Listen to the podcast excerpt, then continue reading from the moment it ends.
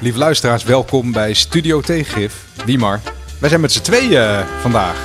We zijn met z'n tweeën, dus we moeten even waarschuwen aan de luisteraars dat dit de leukste aflevering wordt uh, tot nu toe. Dit zou wel eens de beste aflevering ooit kunnen worden. Ja. Dit zou best wel eens de leukste aflevering ooit kunnen worden. Maar dat we met z'n tweeën zijn, heeft wel een hele, hele leuke reden of aanleiding. Ga jij het vertellen of ik het vertellen? Ja, vertel het maar. Onze uh, goede podcast-collega, Wouter. En vriend. En vriend. Uh, ja, ik zeg het maar uh, even. Ja, zo goed om dat even te zeggen. Die is vader geworden. Die is vader geworden op vrijdag 12 mei. Van een hele mooie zoon, Teun. Die is net wat eerder geboren dan de verwachting was. Ehm, en gelukkig gaat het allemaal heel goed met Teun en met papa en mama. Dus van harte gefeliciteerd van ons. Uh, en we moeten nog even een, een, een COT-gif cadeautje gaan afleveren dan. Maar dat is de reden waarom uh, Wouter hier vanavond niet is. Want die, die vond dat het uh, zorger voor zijn zoon van een paar dagen... dat het voorging op het opnemen van een podcast. En ik kan ja. eigenlijk alleen maar zeggen dat we dat van harte steunen. Oh ja, ik wou zeggen van nou, dat, nou oké, vooruit. Kan net. ja. ja. Ja, we hebben, we, hebben, we hebben al eens eerder met z'n tweeën gedaan, Wiemer. Dus we redden ons wel weer. Oh, dat wil ik al helemaal vergeten. Dat heeft veel indruk gemaakt. We gaan het nog een keer proberen, met z'n tweeën. Ja, Um, ja, even kijken. Nu vraag ik dan meestal nu aan uh, Wouter Welling welke aflevering dit is. Maar dat, dat is even een speciaal aantal, want wij vieren 25 mei onze 100ste aflevering met uh, de gelegenheid om dat bij te wonen voor het eerst. Ik denk dat iedereen die, die, die dit vastluistert dat nu al wel drie keer gehoord heeft, maar daar kan je je voor opgeven. Dat staat in de show notes, ook van deze aflevering weer. En dat is 25 mei in Den Haag. Om half acht is er inloop en om acht uur gaat dan de, de drukt Wim Brons op record. En dat is, uh, waar is het ook weer, Wimar? Het is uh, bij de Universiteit Leiden en dan de campus Den Haag. En dan op, uh, in het Wijnhavengebouw, dat is de Turfmarkt 99, op de begane grond. Dat is een café. En dan gaan wij uh, opnemen. En er zal ook wat te drinken zijn en wat te eten zijn. Half acht inloop, acht uur beginnen en aan het einde een, uh, een borrel. En we hebben nu 60 aanmeldingen, volgens mij. Ja, dat is bizar leuk. genoeg. Uh, ja, bizar genoeg, want we hebben eigenlijk geen promo gemaakt. Alleen gezegd, nou kom maar even langs. En het lijkt hartstikke leuk om iedereen te ontmoeten. En er zijn ook behoorlijk wat luisteraars die ook vragen indienen. Die wij moeten dan gaan behandelen. en de leukste vond ik eigenlijk... Hoe zou het beleid van kabinet tegengrif 1 eruit zien? Uh, dus dat gaan we proberen te beantwoorden, die vraag. Ja, dat vind ik nou een verdomd lastige vraag, want daar hebben we het eigenlijk al honderd uh, keer over gehad.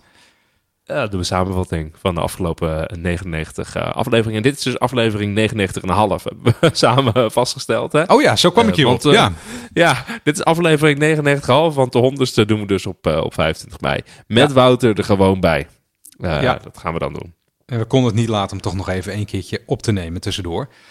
Um, ja, en wat Wouter dan ook altijd doet, is dat hij zegt dat deze aflevering tot stand is gekomen met dank aan Wim Brons van remotepodcast.nl. Hoort dat er nou achter? Ja, dat... ja, het hoort erbij. We hadden net met Wim even voorbesproken. We hebben nog gevraagd, Wim, wil je niet meedoen in deze show? Want je hebt zo'n goede radiostem. Wim heeft een uh, hele mooie jouw, stem.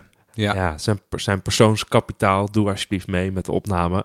Want dan heb je. Uh, dat wil hij absoluut. In voor één persoon weer graag luistert in deze aflevering. Want dat zeggen mensen van Wouter ook wel, dat hij al een goede radiostem heeft. Ja, Wouter uh, heeft dus een hele mooie stem. Veel mooier dan wij. Ja, precies. Ja. Daar is het ook wel mee gezegd verder, maar hij heeft een mooie stem. ja. ja, precies. precies. Hey, hey, waar gaan we het over hebben eigenlijk voor deze, deze aflevering? Dat nou, dat is een mooie, beetje, beetje een rare vraag bijna. Want jij was ongelooflijk. Kijk, jij leest veel rapportjes en je schrijft ook veel rapportjes. Uh, maar ik heb jou nog nooit zo enthousiast gezien over uh, wat wij vandaag uh, als over wat wij vandaag gaan bespreken. Uh, ja, je sprong bijna een beetje uit je broek. Ehm, het gaat namelijk over het rapport Eigentijdse ongelijkheid. Ik vond de ondertitel ook geweldig. Ik zal hem even voorlezen. De post-industriële klassenstructuur op basis van vier typen kapitaal. Ehm, voordat we er helemaal induiken, hè, kan je even kort zeggen wat jou zo triggerde in dit, uh, in dit ding? Ja, wat, het eerste wat dus fantastisch is, is dat mensen waarschijnlijk denken dat dat misschien een rapport is van een economenclub, maar dat is het niet. Het is dus een rapport van een Sociaal Cultureel Planbureau, van uh, uh, eigenlijk van, laten we zeggen, de, sociologen, geschreven door Kok Vrooman, die is daar strategisch, ook professor overigens, met zijn collega's Jeroen Boelhouwer, Jurjen Idema en Ab van der Toren. Ehm, en wat ze dus gedaan hebben, en daar was ik echt super blij. Het gaat dus instant over... beroemdheden nu, nu ja, zie je genoemd instant zijn. beroemdheden. Ik vond het fantastisch om te lezen. Eh, ze hebben dus 6800, eh, een representatieve steekproef, 6800 eh, Nederlanders ge- geïnterviewd via het CBS. En die heeft een, een, enquête uitgezet via een bureau. Ehm, en op basis daarvan hebben ze gekeken, kan je op basis van verschillende soorten kapitaal, dus economisch kapitaal, ehm, sociaal kapitaal, cultureel kapitaal en persoonskapitaal, kan je op basis van die vier eh, klassen in Nederland herkennen. En zijn ze op uitgekomen dat er zeven klassen in Nederland te onderscheiden zijn op dit moment. Oké, stop. Ehm, en daar gaan we het zo over hebben. Ik zal Daar gaan we het zo over hebben. Maar het was zo mooi, want je leest het en je, het gaat dus niet alleen over economie en over arbeid versus kapitaal en dan die, die, die dus industriële of misschien zelfs pre-industriële onderscheiden, eh, waar we het wel eens over hebben gehad. Eh, maar het ging dus echt over eh, veel verfijndere eh, ongelijkheid en verdeling in Nederland op basis van onderzoek. Ja, ik was echt ik was heel blij, want ik dacht, hey, dit is een beetje economie, dit is een beetje politologie, het is een beetje bestuurskunde, het is een beetje sociologie, het is alles door elkaar heen. Dus mijn liefde voor het Sociaal Cultureel Planbureau is vet toegenomen. Vet, toch? Ja, volgens mij is dit ook gewoon...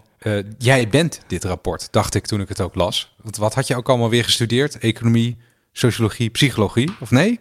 Zoiets, Economie, bestuurskunde. bestuurskunde, psychologie. Ja, ja, dus het komt allemaal in terug. Hartstikke leuk. Oké, de gekte. Ehm, ik weet niet of het de gekte is, maar van deze week was in het nieuws. Vaste huurcontracten worden weer de norm.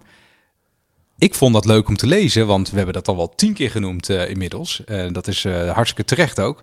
We hebben ooit een keer een stukje geschreven over de woningmarkt, Wiemar.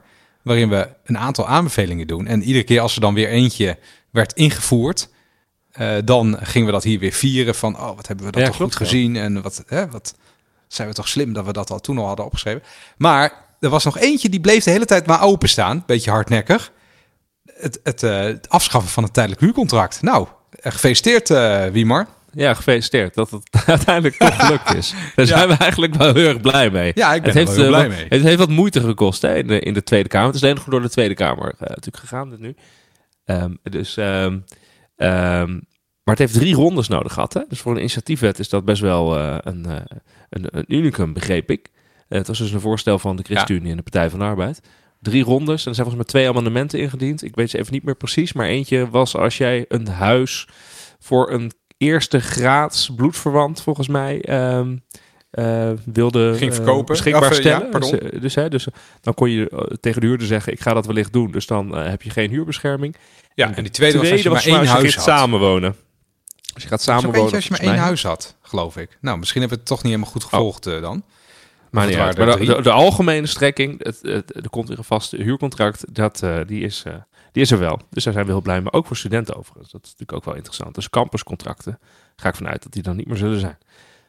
Nee, dat speelt nog. Dat is weer nieuw. dat is een nieuw Oh. iets. Ja, daar kan je ook over discussiëren. Maar in ieder geval heel erg fijn dat dit gebeurt. Ja, oh ja, waarom wilde ik dit nou bij de gekte noemen? Zo lang geleden is het niet, hè, dat dit werd ingevoerd. Ehm, Ik vond het, eh, ik wil het graag noemen nu, om onszelf natuurlijk even weer te feliciteren, maar ook vooral even, het is, het is ergens wel exemplarisch voor hoeveel, hoeveel dingen in beleidsmatig Nederland gaan. Ehm, het, wordt, het wordt redelijk ondoordacht ingevoerd. Het was toen ook echt geruisloos. Eh, dat, het, stond, het stond nog net in de krant, geloof ik, maar niemand eh, maakte de politiek eh, ophef over. Vervolgens daalde dan langzaam het besef in van... hé, hey, dit hebben we helemaal niet goed eh, overdacht. Eh, eh, dit is hartstikke schadelijk voor mensen die huren. Want die, eh, die moeten opeens verhuizen. Als eh, de huisbaas het huurcontract opzegt. Zwangere vrouwen, ouderen, zieke mensen... Die, staan, die kunnen dan op straat belanden. Dat is helemaal niet wenselijk. Nou, dat had je natuurlijk van tevoren kunnen bedenken. Nou, en dan, wat er dan natuurlijk gebeurt, wat terecht is... dan wordt het weer afgeschaft. En daar zit, denk ik, eh, weet ik veel, zes jaar tussen... Ja, wat ik vooral trouwens... Schrijnend kort. de- ja, schrijnend kort. eh, Maar wat ik vooral ook... In de argumentatie om het in te voeren is dan ook gezegd... Ja, op het moment dat we eh, tijdelijke huurcontracten mogelijk maken... dan zullen meer verhuurders hun huis gaan aanbieden. Omdat ze minder onzekerheid hebben... of dan niet va- vast, eh, vastzitten aan een huurder. Dus er zullen meer woningen op de markt komen. Dat Ja. was ook natuurlijk het verhaal. Terwijl niet waar is, Iedereen die gewoon naar de naar analyse van de woningmarkt keek en naar in even economische termen naar elasticiteiten, dus in hoeverre eh, gaat, het, gaat het aanbod van de woningen veranderen op, eh, op nou, prijsdiscussies en risico's. Zag gewoon dat dat in Nederland dat het in Nederland weinig elastisch is. Dus je weet gewoon van ja, dit gaat heel weinig doen, dit verhaal met die tijdelijke huurcontracten. Toch werd dat als argument gebeurd en je ziet, gebruikt. En je ziet nu ook bij terugwerkende kracht dat er eigenlijk, nou ja, dat er geen bewijs is dat er uh, extra uh, uh, huurwoningen aangeboden zijn. terwijl het wel heel duidelijk is dat je daardoor de onzekerheid van huurders verhoogt. Ja, en het bizarre is ook nog dat,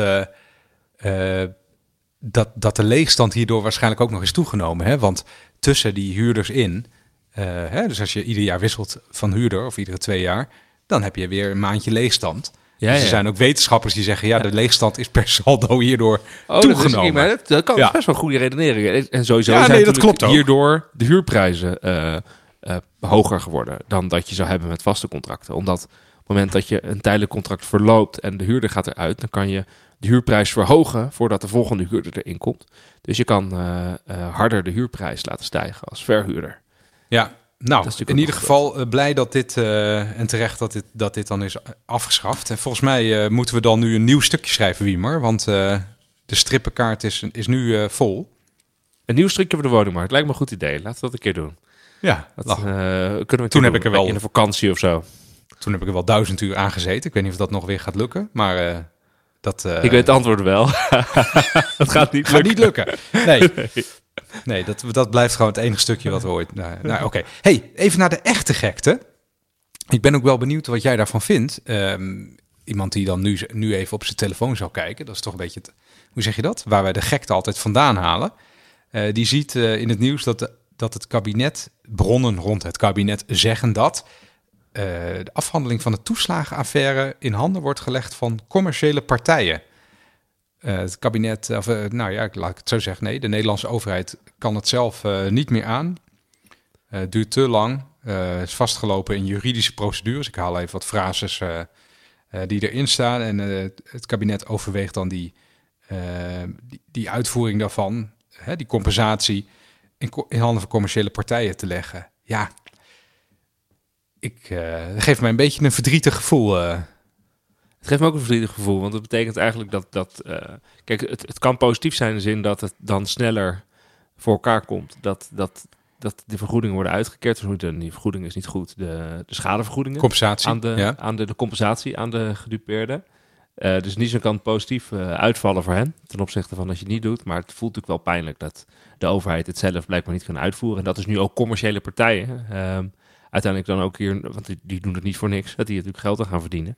Uh, want het wordt een hele grote uh, private uh, actie dan, of consortium dan. Dat voelt wel als, hey, de overheid kan dat voelt bepaalde niet zaken niet meer uitvoeren. En kan ook voor bepaalde groepen blijkbaar, werkt niet voor bepaalde groepen. Dat wordt al een bruggetje naar het rapport dat we straks gaan lezen. van is de overheid er voor iedereen of kan de, de, de, overheid is er voor mij? Dat is heel duidelijk een, een scheiding die je ziet in, in die klasse straks. Ja. dat, dat komt, hier wel, komt hier wel terug. Renier van Zutphen, de nationale ombudsman, die zegt ook erover in, dat, in datzelfde stukje. Hij zegt, uh, het is ook een voorbeeld van het onnodig ju juridiseren, of juridificeren. Ik weet het even niet meer zeker, wat dan het goede woord is. Het onnodig juridificeren van de boel. Um, en dat, dat, uh, dat voel ik ook wel. Hè, dus in het stuk staat ook dat mensen die dan hun schade hebben onderbouwd, dat die alsnog steeds maar weer om extra bewijsstukken worden gevraagd. Uh, waardoor je weer een advocaat moet hebben, waardoor het allemaal heel ingewikkeld uh, uh, is. je, je gaat je afvragen wat het nou in de weg staat om mensen te compenseren op een manier die dan duidelijk genoeg is voor hun om verder te gaan met hun leven. Misschien meer dan de daadwerkelijk geleden schade en dan gezamenlijke strepen onder te zetten. Um, je, je gaat je afvragen of, of het, het, het, het precies uitzoeken. Ja, ik probeer het ook weer erachter te komen. Ja, ik probeer te begrijpen waarom dit dan gebeurt. Want iedereen wil dit gewoon oplossen en toch gebeurt het. Volgens mij zit dat erin dat je dan heel precies wilt uitzoeken wat dan de schade is. Uh, nou ja, onderbouw dat maar eens. Ik las ook een voorbeeld in het, uh, in het artikel dat er uh, één voorbeeld was van een advocatenbureau of kantoor die 20.000 euro had gedeclareerd om de schade in kaart te brengen. denk ik, ja, weet je, kan je er ook misschien met elkaar een slag na slaan? Uh, op een manier dat iemand weer verder kan met zijn leven. En dan die 20.000 euro besparen. Dan heb je alleen nog maar de schade. Je zegt het goed, hè? Je zegt het goed dat, uh, dat, dat hoogstens, iedereen wil dit oplossen. Dus iedereen, ja, iedereen alle ambtenaren, er is geen onwil. Hè? Dus iedereen er wil echt niemand dit oplossen. bewust te traineren. Nee, dus er, er, speelt dan toch iets dat dat niet lukt. En het kan inderdaad zijn dat er toch juridische eisen zijn. Dat er toch eisen van rechtmatige besteding van overheidsgeld zijn. Hè? als je het te snel doet of je zoekt het niet goed uit. Dat je dan opeens, ik zeg het even uh, in, de, in de woorden, dat zoals dat mensen kunnen begrijpen dat ineens dan volgend jaar bijvoorbeeld de Algemene Rekenkamer zegt: hey, dit is eigenlijk niet rechtmatig of doelmatig uitgegeven, dit bedrag. Hè? Want dat kan dan, dat er achteraf blijkt, is het eigenlijk netjes gegaan. Ehm, maar ja, dan denk je ook met elkaar van: hey, misschien moeten we die, uh, die grens wel over. En, maar dat lukt blijkbaar ook niet. Hè? Dus alsnog is er een uh, commerciële partij nodig. Ja, nou, het, voelt, uh, het voelt niet lekker. Voelt ik kan me ook voorstellen dat, die, dat, dat de gedupeerden ook denken: jeetje, daar zijn we de hele tijd op de overheid aan het wachten, een paar jaar. En dan nu ineens moet er weer een, uh, moeten er commerciële partijen bij gehaald worden. en dan een heel Ja, mensen dat, geven ook aan, ook...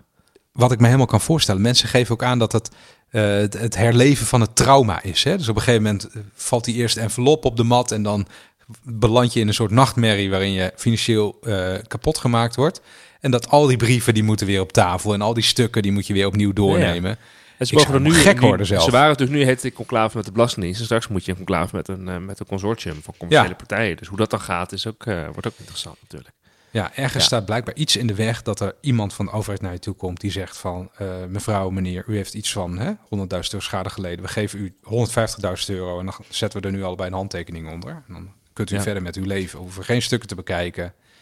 we gaan gewoon verder. Dat, blijkbaar lukt dat niet. Ik zou heel graag begrijpen waarom. Nou ja, Ooit komen we erachter. Hey. we komen erachter. Hey, voordat we naar het echte onderwerp gaan. Ik, was, ik had nog één, uh, één vraag van de luisteraar voor onze opname de van de honderdste of 25 mei. Die ik even wil delen. Uh, gewoon als, uh, want ik begon met hem te lezen. En toen werd ik eerst even van, wat gaat deze luisteraar vragen? Die vraag was, begint namelijk met, is er te veel media in Nederland? Zijn er te veel kranten, tijdschriften, podcasts, talkshows en zo? Ik zie zelf vaak door de bomen het bos niet meer. Dan denk ik, nou, waarom, waarom kom je eigenlijk, waarom kom je eigenlijk vraag. naar de honderdste aflevering?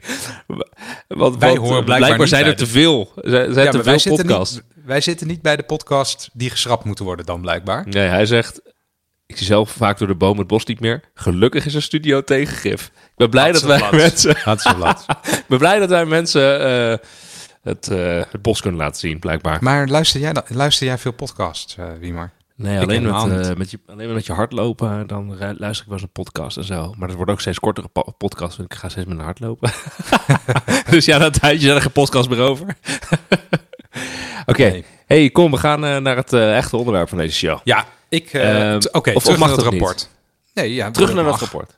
Ja, ja nee, we, zijn, we, we, blijven maar oeverloos ouwe hoer over alles behalve het onderwerp. Laten we er gewoon lekker heen gaan. Eigentijdse ongelijkheid. Ja, wie maar, ik vond het ook een lekker rapport. Um, het is, ehm, hoe zeg je dat? Als je het hebt over klassenverschillen en ongelijkheid en, en dat type verschillen in de samenleving, dan denk je toch, denk je toch te veel aan geld. Um, ja, maar jij denkt, want jij bent, jij bent, eh, je bent lid van de Partij van de Arbeid, dus je bent uh, sociaaldemocraat. Dus uh, jij denkt alles draait om economie en geld. Ja, je denkt meteen denk aan Marx en klassen en arbeid tegen kapitaal. Ja, en klasse, klassenstrijd, rode vlaggen. Precies. Ja, het precariaat en de bourgeoisie, dat, daar denk je aan. Bourgeoisie? Ja. Wat zei je? Sorry, wat zei je? Wat, ik, ik, ik, weet niet hoe je het uitspreekt. Bourgeoisie. Bourgeoisie. ik, dacht, hier kom ik wel bij weg, maar dankjewel dat je het even benadert. Nee, nee, ik grijp altijd mensen die er iets fout uitspreken. Grijp ik altijd aan om mensen te kakker te zetten. Ja. Nee, ik, Sorry, ik vind het heel vervelend als andere dankjewel, mensen Dankjewel, Maar die, jij denkt aan, aan, aan economische, aan financieel-economische ongelijkheid. Daar denk je aan. Ja. Aan dat soort klassenverschillen. Misschien is het leuk om even te beginnen bij uh, een soort geweldige infographic die dan helemaal uh, voor in dat rapport uh, staat. Namelijk, welke klassen heb je dan? Dus jij had al verraden dat het, dat het er zeven zijn. Um, ja, nee, ja, ja precies. hoe zeg je dat? Had je al weggegeven. Um, nou ja, la, laat me eens even voorlezen anders. Hè. Van, van economisch gezien boven naar onder heb je op één, één van de zeven, werkende bovenlaag dat is 20% van de bevolking. En dan jongere kansrijken, iets van 9%. Uh, eh, rentenierende bovenlaag, 12%. Werkende middengroep, 25%, dat is de grootste groep. Laag opgeleide gepensioneerden, dus dat zijn niet de renteniers, maar die hebben een kleiner pensioen, 18%. en dan komen we bij twee groepen waar het echt niet zo goed mee gaat. Dan verraad ik een beetje de inhoud al. Onzekere werkende, 10%. En het precariaat, 6%. Vond je dit, ja, slaat het ergens op voor jouw gevoel, Wiemar? Ja, het slaat ergens op, want het is gebaseerd op onderzoek. Nou, wat ik hier dus het mooiste. Het mooiste Herken je het een beetje, bedoel ik? Ja, ik herken het wel, toch? Ik denk allemaal wel dat we om ons heen mensen uh, zien of je denkt van, nou, oké, inderdaad, je, je, je, herkent dit wel. Uh, een werkende bovenlaag, een rentenierende bovenlaag, laagopgeleide gepensioneerden, onzekere werkenden. Het zijn er volgens mij allemaal wel uh, groepen die je kent. En vooral ook omdat het dus, de bedoeling is van deze benamingen van die, van die klassen die zeven klassen, is dat in de naam ook wel duidelijk naar, al naar voren komt wat, wat, wat, ja, hoe, wat, natuurlijk die groep uh, kenmerkt. Um, er wordt overigens wel zo dat het SCP zegt, ja, het is niet zo dat um, elk, iedereen die in deze klasse nu gezet wordt, dat hij aan alle kenmerken voldoet, maar ze voldoen zeg maar aan een type. Nee. En wat hier vooral belangrijk is, zijn wel is, te onderscheiden groepen. Dat is eigenlijk de, de hoofduitkomst ja, van het onderscheiden van groepen. En ze worden dus uh, ge, uh, eigenlijk neergezet op basis dus van, van hun, hun kapitaal. Hè? Dus nog even als, als, uh, als uitleg. Dus, dus vier soorten kapitaal. Dus niet alleen dat financieel-economisch, zoals we net besproken, of economisch kapitaal. Dus het gaat om uh, de eerste kapitaal. Is, dus wel even om te starten, zeg maar, wat je bezit. Dus je economisch kapitaal. Ja, dus waar wordt er dan naar gekeken? ja, je onderwijsniveau wordt in kaart gebracht. Je sociaal-economische positie, je besteedbaar huishoudinkomen, vrij vermogen, vermogen in de woning. Dus alles wat wij inderdaad denken, economisch kapitaal. Dus waarmee je nou, in de economie een bepaalde slagkracht hebt. Slagkracht hebt, dat is het goede woord. En daarnaast wordt er gezegd, oké, maar je hebt ook uh, sociaal kapitaal. Ja. Um, en bij sociaal kapitaal... Ken je veel mensen die jou kunnen ja, helpen? precies. Ken je veel mensen. Dus heb je een sociaal steunetwerk... Uh, heb je een professioneel netwerk waar je op terug kan vallen? Zijn er mensen die met geld uh, werken en instanties kunnen helpen? Heb je informele uh, hulp? Dus dit gaat inderdaad over sociale netwerk. Dat is een hele belangrijke. Derde is waar je bij past. Dus dat is cultureel kapitaal. Dus dat is je uh, leefstijl, ook je digitale vaardigheden. Kan je, kan je mee in de digitale tijdperk? Kan je, beheers je het Engels? En ook een voornaamgroep. Dus er wordt ook, zeg maar, op basis van voornamen zijn er ook groepen gemaakt. Van welke uh, wat, wat, past er cultureel bij elkaar? En als laatste, dus jij bedoelt, dat, dat, jij bedoelt dat ik heel weinig cultureel kapitaal, voornaamkapitaal heb? Ik weet niet waar de naam Randy in valt. Ik denk dat de naam Wiemar ook wel uh, weinig cultureel kapitaal heeft eigenlijk. waar valt dat in? Ja, weet ik. doe me altijd een beetje aan een viking denken of zo. Aan een viking? Ja, het is wel Germaans. Ja, van, ja iemand die met zo'n grote bijl je schedel inslaat. dat doet ja, nou, dat klinkt wel als veel cultureel kapitaal, hè? ja, ja oké. Okay, Voornaamkapitaal, interessant. Voornaamkapitaal. En als laatste dus persoonskapitaal. Dat is dan wel zelf gerankt, hè, dus dat moet je zelf aangeven. Maar dat je fysieke kapitaal dus... Uh, ja, en of je er een beetje goed uitziet. Klachten. Toch? Ja, uh, ook mentaal kapitaal. Dus heb je zelfvertrouwen. Uh, nee, ik bedoel, als je gehandicapt bent, bijvoorbeeld, dan Ja, maar dat is de laatste. dat, is, dat is de derde is esthetisch kapitaal. Dus zie je er knap uit. Dus een fysiek kapitaal is inderdaad. Ja, maar die zit in het. Dit, dat, dat is persoonlijk kapitaal, toch? Of ja, ja, gelijk. Ja, ja, dus persoonskapitaal. Ja, okay, ja. En dat wordt inderdaad onderverdeeld in fysiek kapitaal. Dus, uh, uh, en het mentaal kapitaal, esthetisch kapitaal en de BMI. Dus de Body Mass Index.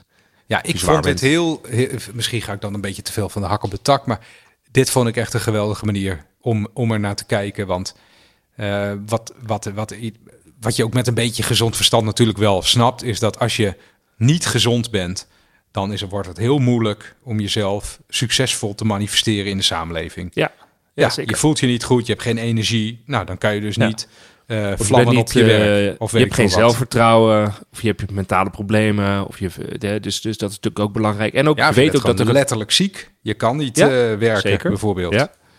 Maar ook, we weten ook dat, uh, dat, dat, dat er een soort bonus is, of een soort premie is op, ik zeg het even, knap zijn. Dus ja, nou ja, dat, dat, schijnt uit allemaal onderzoek, toch? komt dat ervoor. Dus als je, als je langer bent of als je knapper bent, kan je blijkbaar objectief vaststellen. Dat doen wij ook allemaal om ons heen dan uh, leidt dat tot, uh, leidt dat over het algemeen heb je dan kans op nou, betere sociaal-economische positie. Dus dat zie je inderdaad terug. En hetzelfde geldt dus inderdaad voor sociaal, cultureel en cultureel kapitaal. En dat vond ik dus mooi, dat ik dacht van... hé, hey, we zitten niet alleen als econoom te kijken... naar het economisch kapitaal, wat daar altijd zo dominant is. Tenminste in het, in het algemeen. Maar dat we nu ook gewoon kijken naar cultureel kapitaal, sociaal kapitaal, persoonskapitaal. Dus ik was er, werd er heel blij mee met inderdaad mijn, mijn, mijn ook psychologie achtergrond. Ik dacht, dat was leuk.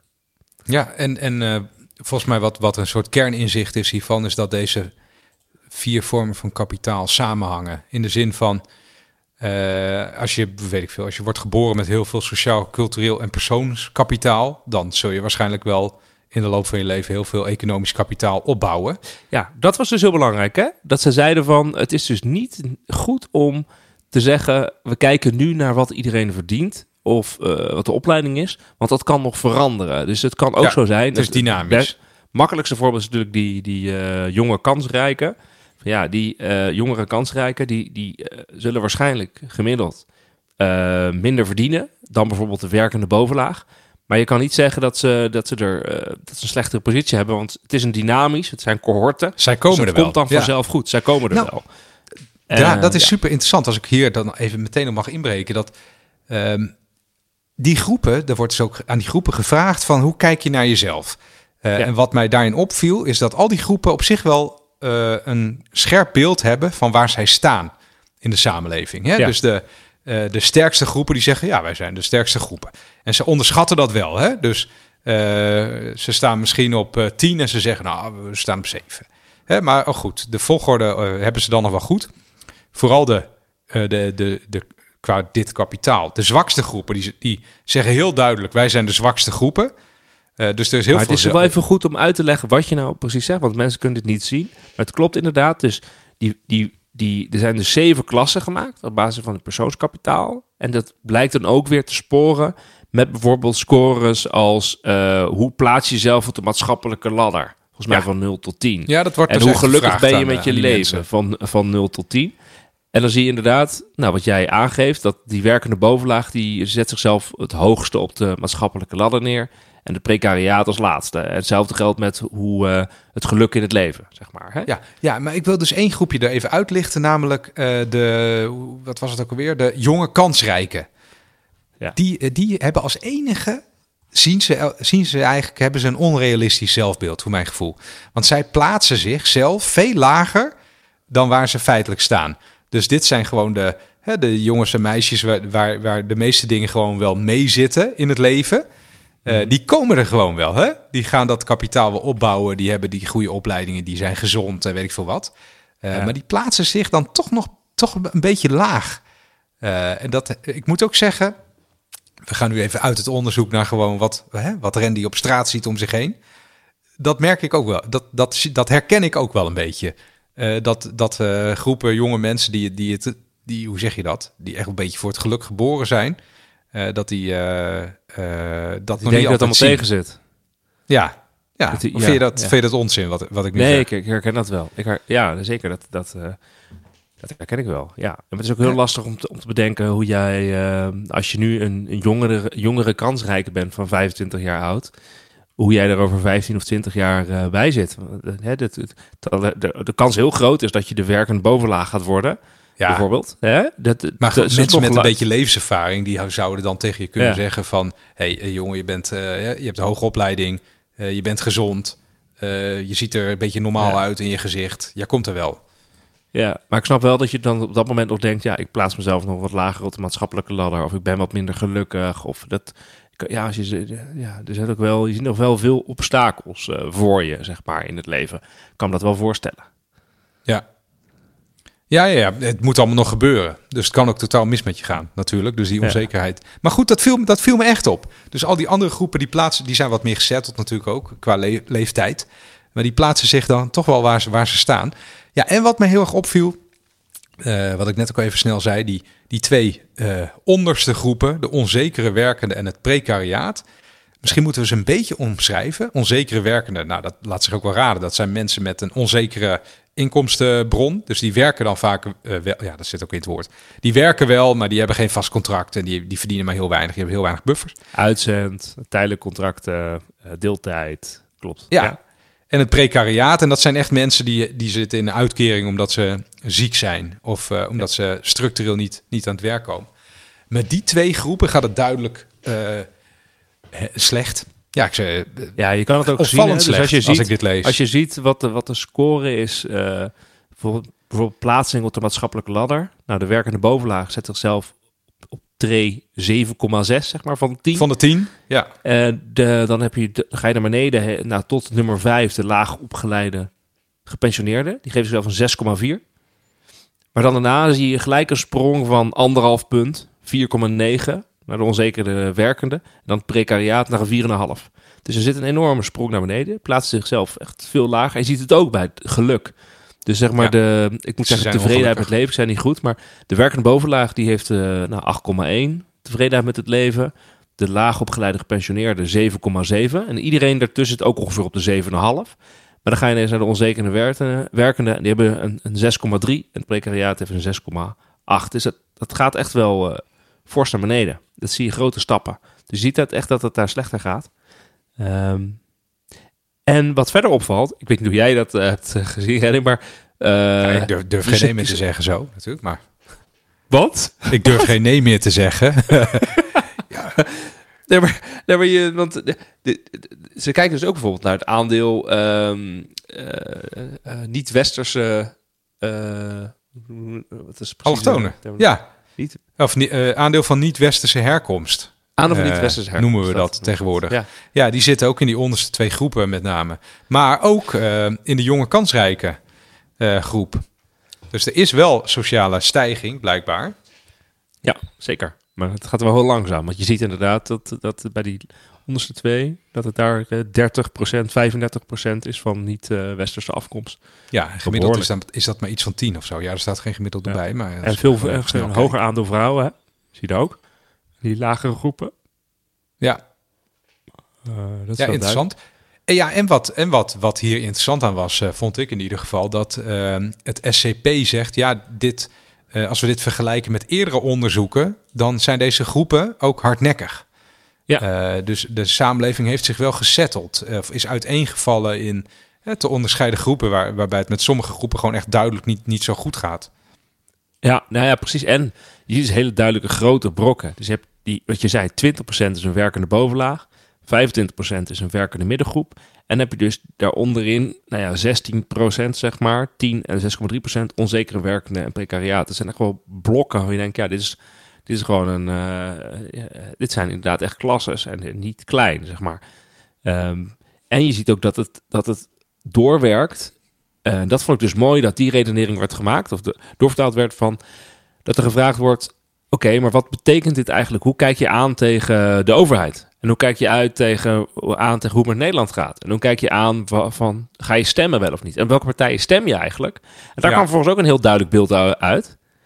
En dan denk je meteen, ja, deze mensen hebben best wel een punt. Het is, het is behoorlijk rationeel uh, eigenlijk wat zij doen. Hè? Want ze, je ziet inderdaad die werkende bovenlaag. Daarvan zegt 10% zegt, de overheid doet te weinig voor mensen zoals ik. Die is daar maar eens of zeer eens. Ja. Maar de onderin, met de onzekere werkende precariaat, gaat het dus om uh, meer dan 50% van de mensen die zeggen, ja, er wordt weinig voor mij gedaan. En ik heb ook hulp nodig, want ik heb te weinig, uh, ik heb te weinig kapitaalbronnen. Hè, dus de, de, ik, heb, ik heb te weinig ja, uh, van die Het gaat die ook niet goed kapitalen. Met het gaat niet goed met mij. Ik heb hulp nodig en er, er wordt te weinig voor me gedaan. En dat zie je vervolgens ook in de uitspraak, het gaat de verkeerde kant op in Nederland. De werkende bovenlaag zegt, nou, maar 3% heeft daarmee eens. Maar ja, uh, onzekere werkende precariaat zit er toch weer op de 30, uh, 34 procent. ik vond het wel heel erg opvallend dat uh, op die vraag van gaat het goed met Nederland, die hangt, die hangt zo ontzettend sterk af van of het goed gaat met het individu ja. waar je het aan vraagt. Dus mensen kijken blijkbaar toch niet, niet echt breder dan, of niet echt langer dan hun neus is. ze kijken vooral naar zichzelf. Als ze de vraag beantwoorden, gaat het goed met Nederland? Ja. En aan de andere kant, die groepen waarmee het dan blijkbaar wel goed gaat, die zijn ook wel heel erg groot hoor. Uh, er zit ja. die twee groepen, onzekere werkenden en precariaat. Ja, dat zijn wel kleine groepen. Dat zit, uh, dat zit ze wel dwars, denk ik, in electorale zin. Als, als er niet aan hun gedacht wordt, dan zijn ze eigenlijk te klein ja. om zelf electoraal iets af te dwingen. Volgens mij ja, zie je dat geen electorale jaren. power in die zin. En, en je ziet ook inderdaad, je zegt die, die, die zo'n groep als bijvoorbeeld de werkende bovenlaag of de werkende middengroep is heel groot. En zeker als dat nog een eigen bijna bubbel zou zijn, ja, is natuurlijk ook geen reden om te veronderstellen dat de verkeerde kant op gaat met Nederland. Dat het systeem niet voor mij werkt. Want dan ook al kijk je bij de mensen direct in je eigen omgeving, denk je ook, nou, dit gaat eigenlijk wel de goede kant op. Ja, die, hebben dat niet door, blijkbaar. Of nee, die willen die dat, dat gewoon uh, niet, niet, zien. Ze zien het niet in elk geval. Uh, maar, dan is jouw redenering is, en dat dus jouw redenering is van, oké, maar deze groep, eh, die onzekere werkende precariaat, is eigenlijk te klein om een uh, electoraal een, uh, invloed te hebben. Ja. Maar de laatste kolom is, hey, zou je gaan stemmen de volgende keer? Um, ja, ga je niet of misschien stemmen? Dan zie je gewoon dat um, die werkende bovenlaag, die stemt eigenlijk wel. Die rentenierende bovenlaag, die stemt ook wel. Ja, die stemt Jongeren kan zeggen, jongen net wat minder. Die stemmen het meest. Hè? Dus de, de werkende bovenlaag en de rentenierende bovenlaag kan je zeggen, nou, misschien die stemmen het meest. Die hebben dus ook, in die zin, de meeste politieke impact, zou ik bijna durven te zeggen. Ja, in ieder geval qua stemmen. Dat staat het zijn de grootste groepen. Die stemmen VVD, D66, GroenLinks, CDA. Ja, nou, en dat is dus het, en dat is dus ook nog het interessante dat onderin bij die onzekere werkende precariaat zegt dus 31% en 43% wij gaan niet, we gaan niet stemmen. Misschien, maar misschien stemmen. En die groep die dus het minste bereid is om te gaan stemmen, die dus ook zich het ongelukkigst voelt, het laagst op de ladder plaatst, um, die vindt dat de verkeerde kant op gaat in Nederland, dat de overheid niet voor hen uh, werkt, die is ook in die zin uh, afgehaakt Nederland. Want die stemmen inderdaad het minste, die willen mensen gaan stemmen. En ook die stemmen op partijen die heel weinig macht hebben. Die krijgen dus die hebben dus een oververtegenwoordiging bij de PVV, SP, PVV, PvdA, Denk. Als je kijkt bij de, bij de, bij de top, werkende bovenlaag uh, en de jongere kansrijken, dan zit je dus inderdaad bij, uh, die zijn maar bovenal VVD, D66, GroenLinks. Ja. Ja. Die hebben de macht. Dat is duidelijk. Ja. ja. Die hebben de macht. maar die, hebben ook de aantallen. Dat, dat, dat hangt er dus mee samen. Ja. Hebben de aantallen en die hebben de, de, de, politieke macht. En dan is het ook wel, wel logisch om te, te denken... hé, hey, deze overheid werkt niet voor mij. dat is ook wel te begrijpen, want ja... Vind, jij dat die, vind jij dat die groepen gelijk hebben? Want eh, toen ik dit las, dacht ik wel van ja, deze... met name die groepen die dus zeggen... het gaat niet goed met mij die, en de overheid doet te weinig voor mij... die hebben gelijk, vind ik. Ja, tuurlijk. Op het moment dat jij... op het moment dat er duidelijk wordt dat mensen die minder... Uh, als het gewoon duidelijk is, minder economisch, sociaal, cultureel en persoonskapitaal, daar doe je het slechter mee. Ja, dan heb je meer hulp nodig van de overheid. ja, en juist die mensen, die hebben de minste politieke vertegenwoordigers. Ze stemmen ook minder, hè? dus je kan zeggen, hé, hey, het is de eigen... Ja, maar het kan ook een logisch gevolg zijn van dat ze dat ze al heel lang ervaren... Um, dat dat geen zin heeft voor hun. Ja, dat is ook interessant van, oké, want in dat rapport wat er, wordt dan ook, het gaat heel, eh, hoe zeg je dat? Het is behoorlijk lijvig ook. Het gaat dan uh, op een gegeven moment door op van, ja, maar is dat dan erg? Hè? Dat vind ik een hele goede vraag, want ja. er zijn verschillen, er zullen altijd verschillen zijn en je kan roepen, dat is niet erg. Zij gaan ook al in op de vraag, uh, is dat dan erg? Ja, ja, zeggen zij, dat verzwakt ook. Ik vat het even mijn woorden samen. Dat verzwakt de samenleving. Um, en dat kan ook tot legitimiteitsproblemen leiden. Dat, dat er groepen zijn, weliswaar kleine minderheden, of uh, hoe zeg je dat? Minderheden, uh, die geen vertrouwen meer in de democratie hebben. Uh, en die, misschien zie je dat nu ook wel, een beetje hun kont tegen de krip beginnen te gooien. Want normaal participeren in de democratie, dat levert hun niks op. Ja, dan ga je wat anders doen. Dan ga je misschien, hoe zeg je dat, wat ruiger protesteren. Ja, dat denk ik ook. Want als je zegt dat als je voelt dat het democratisch systeem uh, minder goed voor jou werkt. Want je ziet ook gewoon als je het verder rapport ingaat. Uh, verschillen in politieke standpunten. Hè? Je ziet dat die, dat die verschillende klassen anders denken over bijvoorbeeld arm versus rijk. Is dat een probleem? Dan zie je heel duidelijk dat de onzekere werkenden. Dat die zeggen, ja, het is een groot probleem. Uh, arm tegen rijk, dat, dat is een ja, ja, ja. wrijving. Als het gaat om polarisatie, bedoel je? Polarisatie, maar die, die werkende bovenlaag vindt dat veel minder een probleem. Hij is hoog opgeleid versus laag opgeleid. Is dat een probleem? Ja, de hoog opgeleid vindt dat geen probleem. De laag, lager opgeleid vindt dat wel een probleem. En zo, zo gaat dat dat hele rapport natuurlijk door. Van inkomensverschillen, moeten die, moeten die groter worden of niet? Nou, werkende bovenlaag denkt, nou nee, dat hoeft eigenlijk helemaal niet. En de rentenierende bovenlaag natuurlijk ook niet. Maar die onzekere werkende precariaat, ja, die willen wel graag dat daar, ja, een beetje, uh, dat daar verandering in komt.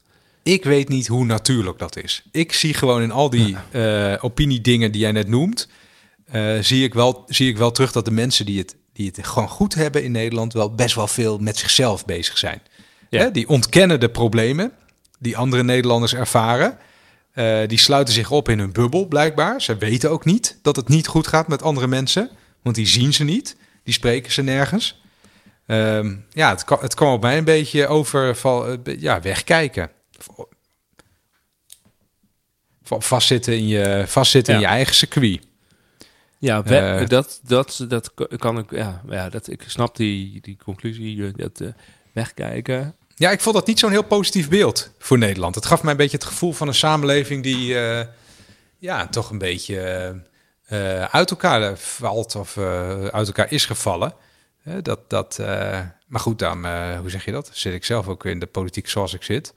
je moet wel een beetje, beetje solidair zijn met elkaar. Als, je het, als je het goed hebt, dan moet je, moet je, wel oog houden voor mensen waar het niet zo goed mee gaat. En die zijn er, die zijn er heel duidelijk wel. Ja, en op zichzelf denk ik dan van, ik weet niet of de, bijvoorbeeld die werkende bovenlaag, rentenierende bovenlaag, jonge kansrijken, of die geen rekening houden met de, de, de precariaat onzekere werkende bijvoorbeeld. Hè? Maar misschien houden ze er niet, niet, genoeg rekening mee. En ook nog omdat je weet dat dus de politieke macht, uh, dat die ook juist bij die, bij die, bij die uh, klasse daarboven heel hoog ligt. En dat die klasse daarboven heel duidelijk andere politieke voorkeuren heeft dan, ja. dan die lagere, laagste twee klassen. En dat ah, zie je ook terug trouwens in allerlei uh, politicologisch onderzoek. Hè. Volgens mij is een heel bekend onderzoek van uit een hoofd scha Schakel. volgens mij in Amsterdam, politicoloog. UvA, Wouter Schakel volgens mij. Die heeft een verkiezingsprogramma's geanalyseerd en vooral gekeken en ook ehm, ehm, wat wordt, wat wordt zeg maar door regeringen uitgevoerd en voor wiens voorkeur is dat? Voor hoogopgeleide, middenopgeleide, lager opgeleide en ook qua inkomensklassen heeft hij een vergelijking gemaakt. En zie je dat, dat, dat vooral de, de hoger opgeleide, de hoogste inkomens, dat die tevreden zijn. Hun wensen worden doorgevoerd in, in beleid. Nou, als je dat naast deze analyse legt, denk je, ja, dat komt wel overeen. Nou ja, uh, dat durf ik rustig te zeggen. Ja. De macht ligt in Nederland bij mensen die het goed hebben. Uh, en die hebben helaas weinig oog voor uh, die onderste groepen. Dat, dat vind ik hier wel, dat, hoe zeg je dat? Dit onderbouwt dat wel. er, worden, er worden nog meer polarisatiepunten bevraagd. Hè? Ja. Dat vind ik wel interessant. Ehm, vooral hoe die zich verhouden tot elkaar. Want er wordt gevraagd van, ja, vrij, over, over wrijving tussen groepen in de samenleving. Uh, de vraag is dan, dat is wel leuk om dat, om dat even voor te lezen. In elk land is wel eens wrijving tussen sociale groepen. Hoe groot is volgens u in Nederland de wrijving tussen deze groepen? Uh, mannen versus vrouwen, daar gaat het heel veel over in de media, vind ik. Ja. Um, dat wordt eigenlijk niet als een probleem gezien, uh, valt me op. Dat, dat, de, nee. Dat, dat, dat, scoort duidelijk, uh, dat scoort duidelijk heel laag. En dat is eigenlijk over de, over de linie is dat wel zo. hoewel de, de uh, de lagere groepen, ook een beetje shit woord, maar goed, hè? Voor de duidelijkheid, de lagere groepen vinden dat wel iets meer dan de hogere groepen. Randstad versus niet-Randstad, dat scoort al een stukje hoger. Dat wordt dus wel gezien als een, als een probleem. Dan heb je daar natuurlijk wel, dat is een gemiddelde. Dus de helft van Nederland woont in de Randstad, de helft van Nederland woont buiten de Randstad. Dus dan zou je eigenlijk uh, hetzelfde verwachten. Dat hè, uh, men in de Randstad mm zegt van oh, dat is geen probleem. En daarbuiten uh, zegt dat is wel een probleem. Maar wat mij opviel, moslims versus niet-moslims. Ik dacht eerlijk gezegd dat Nederland die discussie een beetje achter zich had gelaten. Hè, want het, weet ik veel, tien jaar geleden ging het echt wel een beetje te veel over de islam. Ehm, maar als je nu dan kijkt naar wat mensen vinden, dan is het eigenlijk over de breedte, of van boven naar onder kan ik beter zeggen, uh, is, dat, is dat het wrijvingspunt wat het, wat het hoogste cijfer krijgt. In de, het betekent dus dat, het, hè, dat er de meeste wrijving wordt gezien tussen die groepen. Ja. Dat verbaasde mij wel. Ja, kom me voorstellen. Had ik ook. Had ik ook. Ja. En ja, klopt. Maar het is ook wel lastig om dat hierin te. In de rest van dit onderzoek, om dat te incorporeren in het onderzoek. Want voor de rest in, is zeg maar. Godsdienst is niet een, uh, een onderscheid van die, van die zeven klasses verder. Hè? Nee. Dus dat is eh, wel opvallend. Dus zeg maar, het is niet zo dat je kan dat in ieder geval SCP uh, eh, het kan nergens vinden. Dus het is niet zo dat inderdaad dat, dat geloof een, een rol speelt in die klasse. Of dat, het, dat het zo dominant is dat in ieder geval SCP dacht we willen het noemen. maar blijkbaar is het wel een groot strijdpunt. Ja. Een wrijving. Ja. ja. en wat andere... ik, wat ik ja. Oh ja, sorry. Ja, nee, andere punten die genoemd worden zijn arm versus rijk, jong versus oud, hoogopgeleid versus laagopgeleid. Jong-oud, dat wordt ook niet echt uh, gezien als een probleem. Arm-rijk wel. En hoogopgeleid, ja. laag opgeleid in, eigenlijk in dezelfde mate ook. Wordt dat gezien als een breekpunt of een breuklijn in de samenleving. Ja, inkomensverschillen en vermogensverschillen. Dus je kan niet zeggen dat uh, financieel-economische thema's er niet toe doen. Dat, dat is nee, ze doen er wel toe. Ja, ze doen er, er zeker zijn er nog andere dingen die er ook toe doen.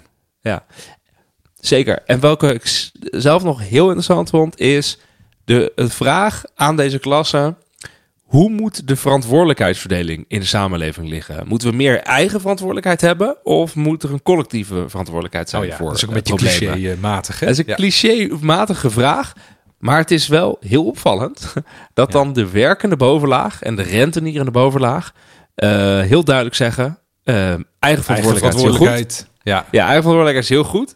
En dat dus de, de, onzekere ja. werkende precariaat zeggen... graag minder eigen verantwoordelijkheid, meer collectieve verantwoordelijkheid. Want ik kan de eigen verantwoordelijkheid blijkbaar ja, niet zo goed aan met, met uh, de kapitalen die ik heb. De vier verschillende kapitaalvormen. En wat ik dus, dus kijk, en dat, dat is natuurlijk nu een beetje een kip-ei verhaal... hoe je dat, uh, hoe je dat moet interpreteren. Hè? Want uh, je kan zeggen... Ehm, kijk, als je, als je het goed hebt met het huidige systeem... zeg je natuurlijk altijd, ja, dat heb ik zelf gedaan. Uh, dus dat is mijn eigen verantwoordelijkheid. Ik heb dat goed gedaan. Je moet mensen eigen verantwoordelijkheid geven. En dan, dan doen ze hetzelfde, de coach hetzelfde uh, plek zoals ik ongeveer doe. Dat is wat ze dan zeggen. Ja, tuurlijk. Ja. Um, mensen, mensen lullen dat naar zichzelf toe. Mellen, ja. Volgens mij noemen we dat uh, attributie. Hè? Dus, uh, de, de, fundamentele attributiefout. De dat fundamentele heb ik jou wel vaak horen zeggen. Ja, maar dat is wel iets heel belangrijks. Van oké, als je succes hebt, dan ga, je natuurlijk, uh, de, maak je de attributie dat het aan je eigen persoonlijkheid ligt. Je hebt het zelf gedaan. Ja. En op het moment dat de anderen het niet goed hebben, ligt dat natuurlijk vooral aan, aan de ander aan de ander, want die hebben dan hun eigen verantwoordelijkheid niet genomen. Jij bent zelf heel goed in het nemen van je eigen verantwoordelijkheid. heb je helemaal zelf gedaan. Op het moment dat er iets niet goed gaat, dan ligt het natuurlijk aan uh, bij jezelf. Dan ligt het natuurlijk aan, aan de collectief of de context. Um, ja, dat, dat, dat, zie je hier natuurlijk wel, wel terug. Ja. En vooral dat die, die, dat die.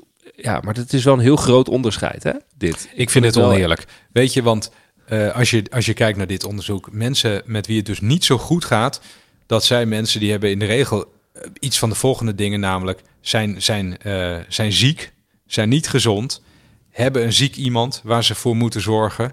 Uh, hè, zieke ouder of een ziek familielid of een ziek, ja. ziek kind of zo. Uh, sta, zijn, zijn immigrant, zijn zonder enig netwerk. dus al dat, dat is allemaal kapitaal. zonder enige vorm van dat kapitaal het, het land binnengekomen. zijn in, zijn, hoe zeg je dat? Zijn in een dysfunctioneel gezin geboren. Mm-hmm. in armoede, uh, et cetera, met geweld thuis, weet ik veel wat allemaal. Als jij dat allemaal niet hebt gehad, dan heb je al zoveel, hoe zeg je dat? dingetjes voor in het leven. dan, kan je, dan, kan je, dan kan je al niet meer zeggen dat je het zelf beter hebt gedaan dan die groepen waarvoor dat, ja. waarvoor dat wel geldt. Dat is gewoon niet, dat is gewoon niet reëel dan overschat je een beetje het, uh, het nature-nurture debat van uh, in hoeverre de, krijg je het zelf met je, je, je, je, biologie of natuurlijke aanleg voor elkaar en in hoeverre is eigenlijk je omgeving, je context, je familie waar je opgroeit uh, belang, belangrijk. En dan zie je altijd dat inderdaad de, de, de omgeving waar je vandaan komt, waar je opgroeit, dat dat heel, heel belangrijk is, is waar later in terecht ja. komt. en als je daar slecht hebt, kijk, dat is natuurlijk met de jongere kansrijken, die hebben vaak ook gewoon een hele goede omgeving waarin ze opgroeien. Um, ja, tuurlijk. Ja, die hebben dat bijvoorbeeld allemaal uh, niet, hè, die negatieve dingen die ik net noem. Dus dan kom je, dan nee. kom je er uiteindelijk, dan stijg je nee, uiteindelijk wel op. Nee, het is natuurlijk wel. Ik, ik, heb, uh, ik heb zelf op uh, in Den Haag op een school gezeten, op een gymnasium, Zorgvliet. En daar heb ik een aantal weken geleden dus een presentatie gegeven. Ze hadden het ge gevraagd, kan je aan de zesde klasse een presentatie geven? Toen dacht ik, weet je wat, ik ga dit rapport aan die zesde klas presenteren. Ja. Toen was ik Leuk. zo enthousiast. Ja. Ehm, en ik vond het dus fascinerend. Want je... Ja, dit illustreert wel dat je echt ongelooflijk enthousiast was. Ja, want ook dus fascinerend vond ik. ging dit rapport dus presenteren aan. Zitten dus allemaal uh, uh, zesde klassers van, denk 17, 18 jaar. En die gaan dus... Allemaal uit uh, rijke straks, families. Ja, gezonde, dus frisse koppies. Ja, precies. Dus ik, ik vroeg Dure hem kleren. Nou ja, ik, dus, ja, dus ik vroeg hem bijvoorbeeld... weten jullie wat jullie ouders stemmen, wat jullie zelf zouden stemmen? Toen zei ik zo, ja... Dus ik zei, ja, wie stemt er op uh, VVD, D66, GroenLinks? Nou, alle handen omhoog. Wie stemt er op, uh, nou, Denk, SP, PVV, niks. Weet je, dat oh, helemaal niks, omhoog. helemaal nul. Nou, bijna, bijna niks. Um, En dat soort dingen zijn dan wel heel fascinerend om mee te maken. En ook als je afvraagt van ja, oké, waar zitten jullie nu eigenlijk? Hè? Jullie hebben een onzekere toekomst, maar heb je het gevoel? Maar je zit eigenlijk bij de jongeren kansrijk. Heb je dat wel, wel door? Hè? Van, en, dat was echt wel een heel goed gesprek om een keer met, uh, met, uh, met hen te hebben. En tegelijkertijd denk ik van ja, als je zelf op school zit en je bent 17 jaar, dan heb je dat natuurlijk ook niet zo goed door. Hè? Dus, dus in die zin vond ik het wel een heel. Het, het, onderzoek was redelijk representatief van het SCP voor, voor in ieder geval die zesde klas waar ik voor stond. Oh ja, dus ze hadden dus inderdaad niet door dat ze op een spoorlijn gingen naar maatschappelijk succes. Dat ze daarop zaten al reeds. Ik denk dat ze dat wel door hadden, maar dat ze, dat ze, dat ze het niet goed konden vergelijken met, met andere groepen in de samenleving. En hoe oh zij zich tot die andere groepen uh, verhouden. Dat, dat, ja. dat is ook logisch, weet je. Je bent. Uh, Kijk, en het is, ook, het is ook heel logisch als je zo. Het is ook heel logisch. Heel logisch. En je ziet ook hier dat over, dus met Nederland gaat de verkeerde kant op. Zie dus die werkende bovenlaag 3% denkt, nou dat gaat de goede kant op. En de precariaat, ja, die zit inderdaad op de, die denkt nou, uh, niet. En die zeggen ook, mensen als ik hebben geen invloed op wat de regering doet. Dat is nog een heel interessant staatje. Dus je ziet dat die, die werkende bovenlaag en die jongere kansrijken, die, die nou 26% die zegt, nou, we hebben geen invloed op de regering. Uh, maar die, bij die onzekere werkende, het precariaat, daar zit je op uh, 63 en 64 procent. Dus het is overduidelijk dat die groepen denken, ja, ik heb minder invloed op de regering. En dat, daar hebben ze dus ook helemaal gelijk in. Hebben ze ook niet. Daar hebben ze ook helemaal gelijk in. Als je gewoon kijkt naar wat er, ze zijn oververtegenwoordigd door het nog. politieke partijen en ze stemmen niet. Het is, het is heel realistisch eigenlijk wat deze groepen zeggen. Dat vind ik dus... Uh... Nou ja, ik vind dus dat... Het valt mij dus op dat er meer realisme aan de onderkant zit dan aan de bovenkant. Uh, ja. Veel, uh, veel punten.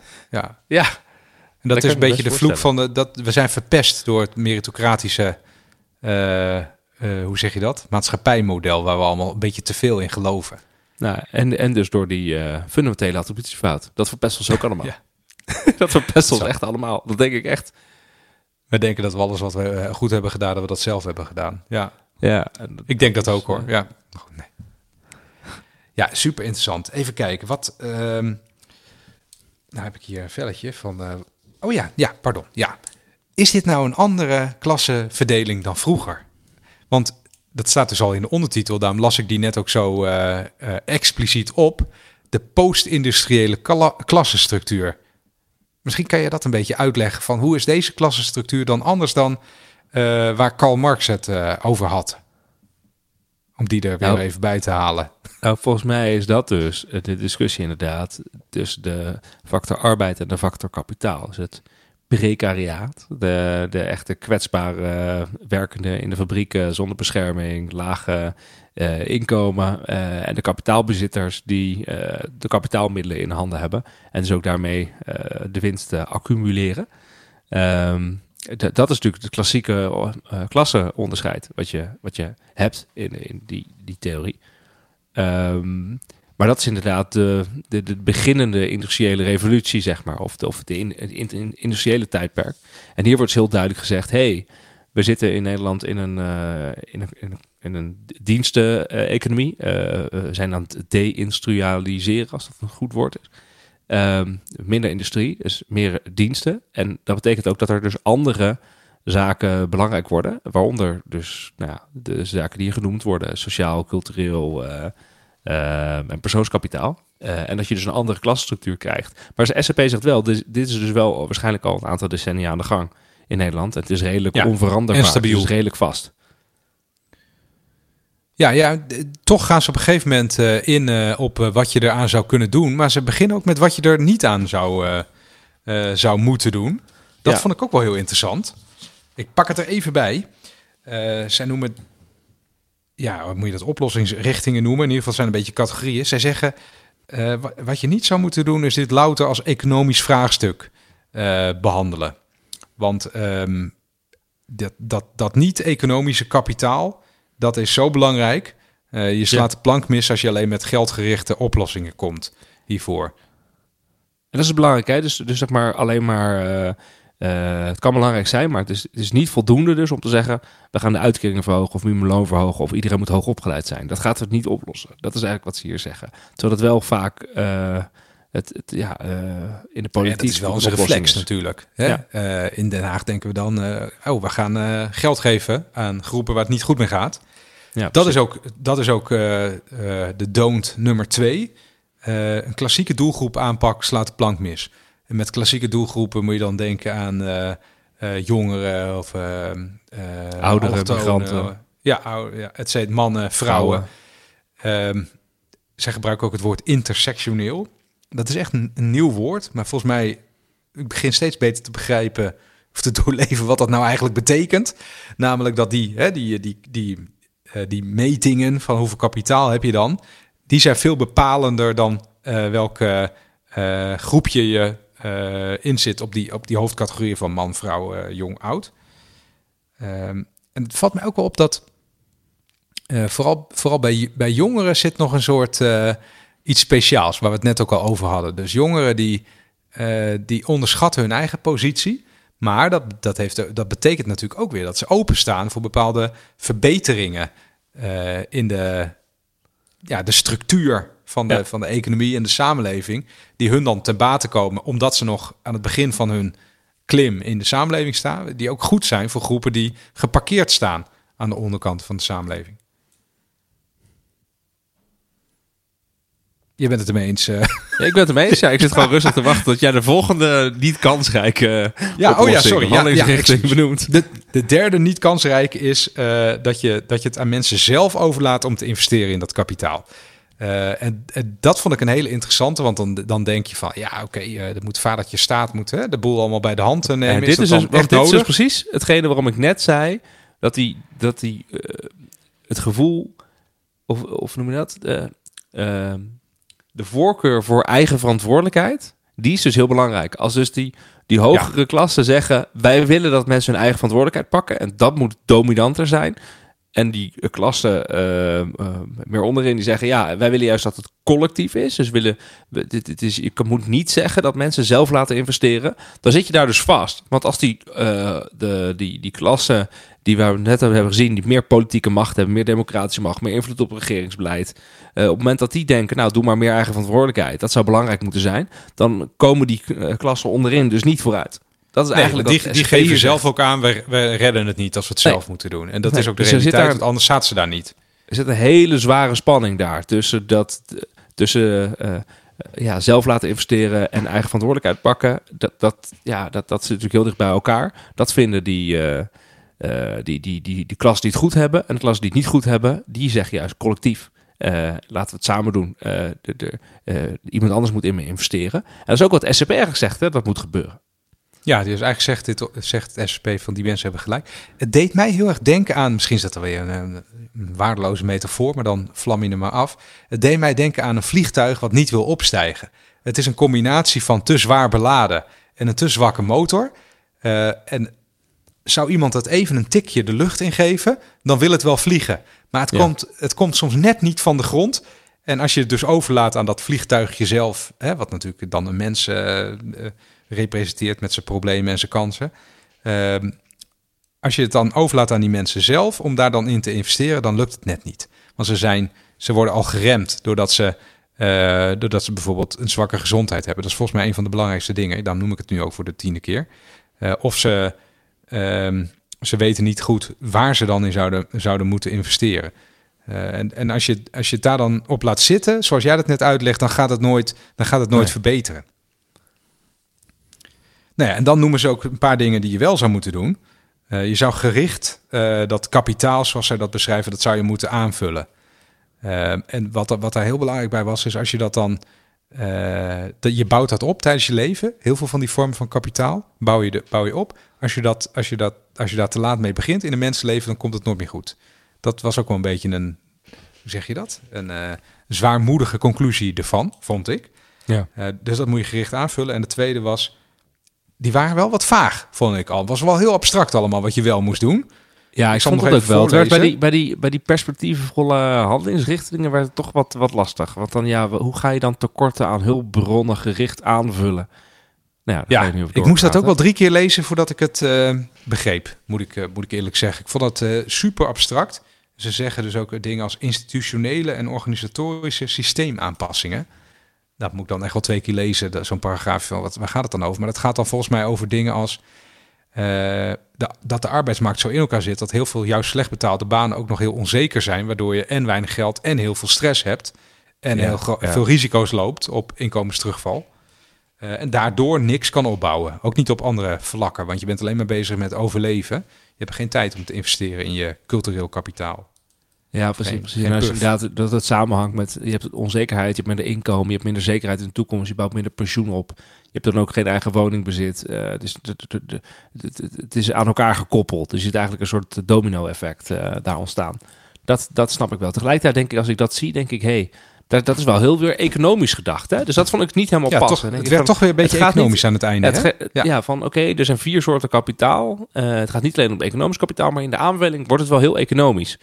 En dat, dat vond ik niet helemaal passen. Maar ik wil wel zeggen dat ik dat niet doe om het rapport uh, te bekritiseren. Maar vooral, ik denk, volgens mij moet, is het dus heel belangrijk dat hier uh, vervolgonderzoek op komt. Of dat hier over nagedacht wordt. Hoe ga je deze groepen helpen?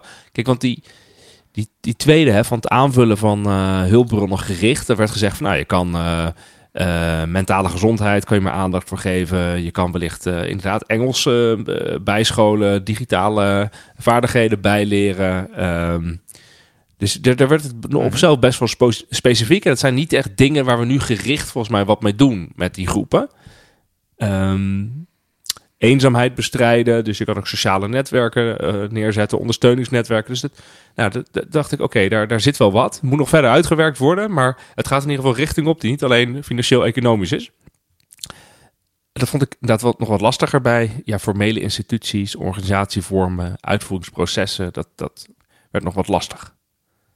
Nou ja, weet je, ik, ik, uh, hoe zeg je dat? Ik wil uh, niet een geforceerde de cirkel is rondachtige punten nu maken, maar als je, als je heel weinig uh, economisch kapitaal hebt bijvoorbeeld, maar je woont in een buurt waar je iedereen kent, uh, dan, heb je, dan heb je nog best wel wat om op terug te vallen. Hè? Ja. Dan heb je iemand waar kan je een keer geld van lenen of je kan een keer mee eten of uh, whatever. Ja. maar als jij dan, omdat je een tijdelijk huurcontract hebt, steeds gedwongen wordt te verhuizen, weer naar een deel van de stad waar je niemand kent of zelfs een andere stad, ehm, ja, dan verwoest je ongelooflijk veel sociaal kapitaal van mensen. Ehm, en dat, dat, uh, dat doet me dan ook altijd denken aan iets wat uh, minister Blok uh, altijd zei van ja, maar mensen kunnen toch gewoon naar een andere stad verhuizen als daar wel sociale huurwoningen zijn. nou, je bent wel gek ja, als je dat doet. Dat slaat nergens op vanuit deze groepen geredeneerd. Nee, je hebt gelijk dat natuurlijk de plek waar je woont en waar je werkt is extreem belangrijk voor je sociaal en ook je cultureel kapitaal overigens. Dat is, dat is heel dominant. Dus op het moment dat je daar geen goede positie hebt of elke keer dat moet opgeven omdat je weer verandert van woonplek of, of arbeidsverband, uh, dan, dan heeft het gewoon hele negatieve effecten. Daar heb je gelijk in. En misschien moeten we ook wat meer erkennen in, uh, in wat we allemaal uh, doen. Uh, dat sommige mensen op het vlak van persoonskapitaal gewoon met een grote achterstand kampen. dat, wordt, dat krijgt ook wel eens weinig aandacht, ja, vind ik. Ja, dat niet iedereen is tot alles in staat. Ja, maar ja, ik vind het nog wel. Ik denk dat we bij het SCP nog wel over nagedacht hebben. Want dat zou natuurlijk wel interessant zijn. Hè? De, eigenlijk wordt er heel weinig gedaan met persoonskapitaal. Maar eigenlijk als je helemaal straks zou doorredeneren, zou je eigenlijk moeten zeggen: er moet een bepaalde collectieve verantwoordelijkheid komen voor, voor uh, goede verdeling van persoonskapitaal.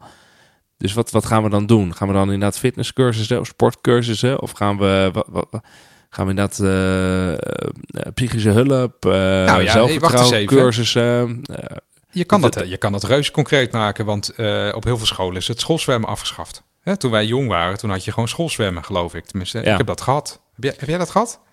Ik heb het gehad. Nou, overigens een van de dingen die, die vond ik altijd... Dat ik denk van ja, sporten op, op, op inderdaad scholen, basisschool. Dat voldoende doen, voldoende bewegen. Dat is extreem belangrijk. Oh, super op lange termijn te zorgen dat uh, kinderen die ouder worden ook gaan bewegen en blijven bewegen. Niet alleen sporten, maar ook gewoon in beweging blijven. Dus als je dat op, op jonge leeftijd, zou je daar collectief een verantwoordelijkheid voor moeten nemen, ja. Ja, ja misschien dat cultureel kapitaal nog even. Wat, wat, jij, had dat, jij had dat voor je neus net, hè? Van wat, wat is dat? Wat is dat ook alweer? Uh, ik zal het even precies opzoeken. Cultureel kapitaal is leefstijl, basale digitale vaardigheden, beheersing van het Engels, voornaamgroep. We kunnen niet iedereen een andere voornaam geven. Dat zou. Uh, dat, is wel op zich dat de makkelijkste, makkelijkste manier. ja. Oké, okay, jij heet vanaf nu Jules. ja. zelf kan je natuurlijk een leefstijl kan je wel trainingen geven. Eigenlijk. Je kan natuurlijk wel uh, digitale vaardigheden en Engelse uh, taal kan je natuurlijk wel geven. Dat is natuurlijk wel een ding. Dat, dat zou kunnen. Ja, ergens zegt mijn gevoel ook alweer van mensen op cursus sturen. Ehm, bereik, je, bereik je mensen dan wel? Ja, dat klopt. Het voelt wat soft of zo. Ik, heb, ik zie dat nog niet uh, heel veel effect hebben. Maar goed, als dat, ja, als dat helpt, het kost ook niet veel. Nee, en dan klopt. Ik zit hier ook te zoeken hoor. Dus dat, ik vind dat wel lastig. Dat, uh, je hebt gelijk dat financieel-economisch kapitaal, of het economisch kapitaal, is het makkelijkste aangrijpingspunt om beleid op te voeren. Want dat is gewoon het verschuiven van, van geld, even, ik zeg even huiselijk. Dat, die andere zijn lastiger om daar heel gericht beleid op te voeren. En ook qua maatschappelijke acceptatie is dat het, het lastigst, denk ik, uh, om dat te doen. En bijvoorbeeld, maar toch, een, een variant die hier genoemd wordt, is je zou ook um, preventief eigenlijk predistributief beleid ten aanzien van vermogensverschillen moeten voeren. Talentontwikkeling en het voorkomen van leerachterstand in het onderwijs. Onderwijs, uh, huisvesting en gezondheidspreventie. Dat betekent dat ze zeggen, je moet vooraf al gaan herverdelen. Aan het begin van het leven. Um, zorgen dat er dus uh, het goed gaat met vermogens, uh, met ja, ja, onderwijs en zo. Dat is best wel een vergaand. Ja, dat werkt verder ook niet uit, hè? Maar daar hebben we het altijd al over, voor mijn gevoel. Eh, niet, niet wij, maar ik bedoel, ja, wij ook, maar in Nederland. Daar, gaat, daar gaat het in de politiek al zo ongelooflijk veel over. Uh, wat je daarin kan doen, dat, is, dat ligt ook gewoon wel vast, als je me, als je me kan volgen. Mm -hmm. Hè, die, die inkomensherverdeling en zo, dat, dat is natuurlijk het, het strijdpunt tussen links en rechts, plat gezegd. Ik dacht wel, kijk, weet je, Um, volgens mij. Ja, maar ze zeggen eigenlijk hier, hè, als je verder op denkt van, joh, laten we elke jongere uh, een bepaald startvermogensbudget geven of zo. Hè. Zijn politieke tijd wel eens hebben voorgesteld.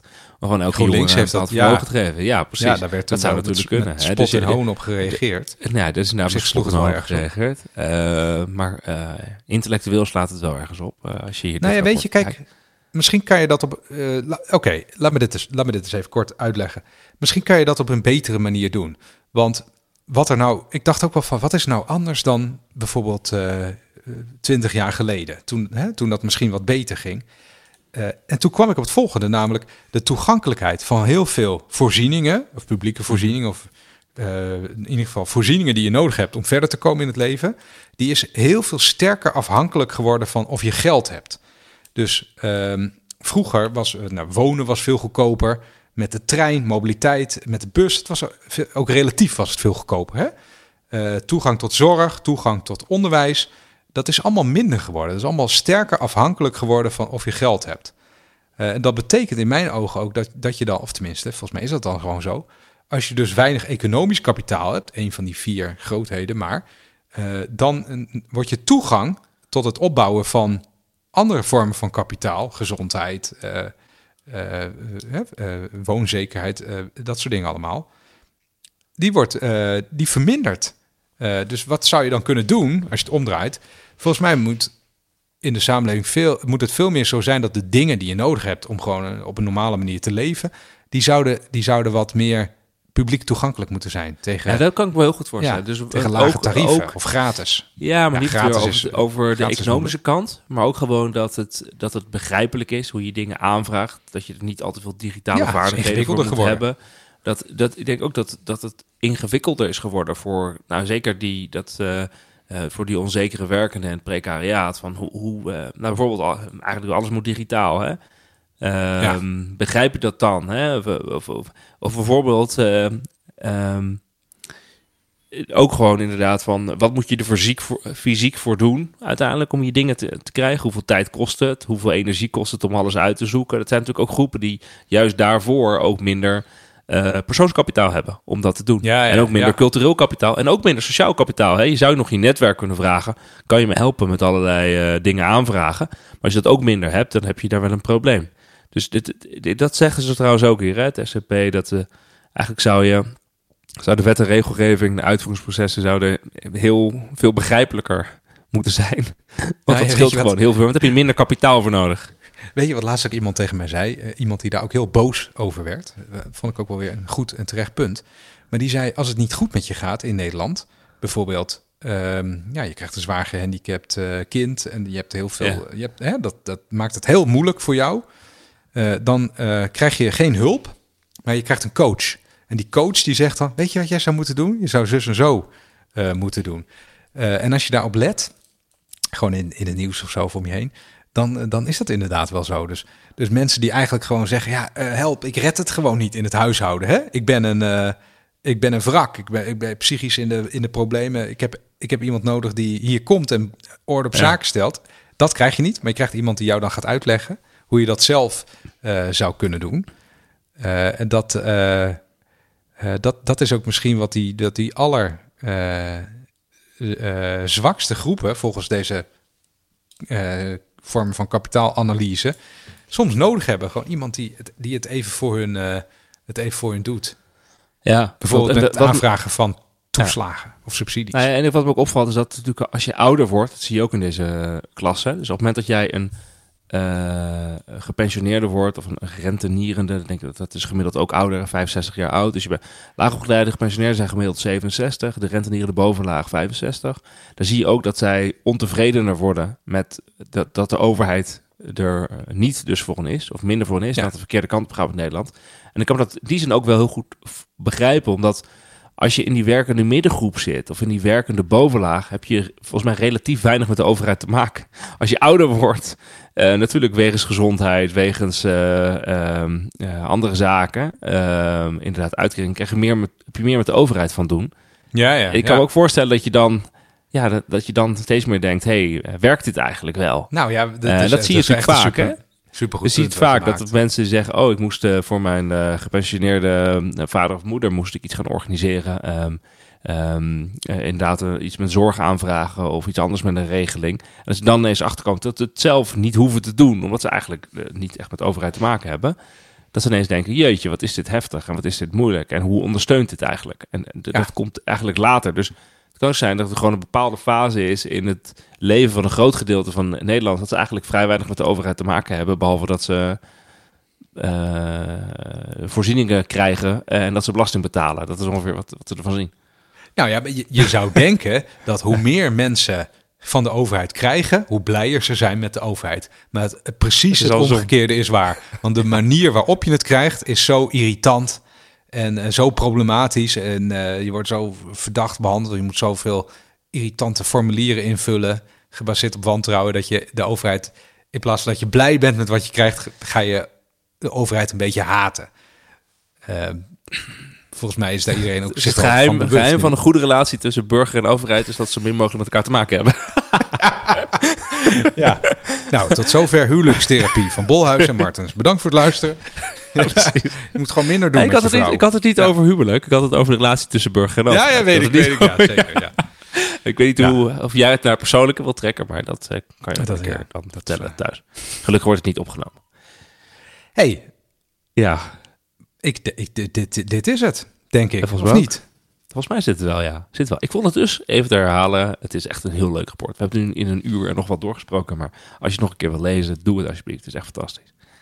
Ja, we zetten hem in de show notes. Net als uh, de, de link naar waar je kan opgeven voor onze meet-up op 25 mei om half acht in Den Haag. Ja, het is gewoon de honderdste, zeg ik nou opeens honderdste aflevering uh, opname. Dat is toch gewoon zo'n zo'n gewoon live term. Het is, gewoon, is dat ja, zo? Het is, het is ik ben besmet. Live, ik ben nu al besmet. Ja, je bent ja. besmet. Het is gewoon de live opname van de honderdste aflevering uh, in Den Haag, Universiteit Leiden, Wijnhaven. Kom allemaal. Nu, uh, nou, we, er is nog ruimte voor mensen. Het was heel gezellig om jullie uh, te spreken en te zien en jullie vragen te beantwoorden en te gaan borrelen en iets te eten achteraf. Ik denk dat er ook wel snacks zijn en zo. Um, dus ja, ja heb jij dat geregeld dan? Want ik weet niet of daar toevallig snacks. Snacks ik heb met de universiteit contact gehad en die zeiden: we gaan uh, regelen dat er, uh, dat er wat te drinken is en wat te eten is. Dus, maar dat, dat komt wel goed. Ik denk dat we even.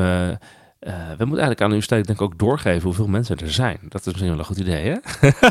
Laten we dat eens doen. Wij zijn grote periode. organisatoren. Dat merk je. We kunnen eigenlijk niet zonder Wouter. Dat merk je nu. Ik mis ja, ook dat Wouter dan op dit moment een beetje een stichtelijke conclusie doet. Misschien kan ik een soort, hoe zeg je dat? De heilige geest in mij laten varen en dat dan ook proberen.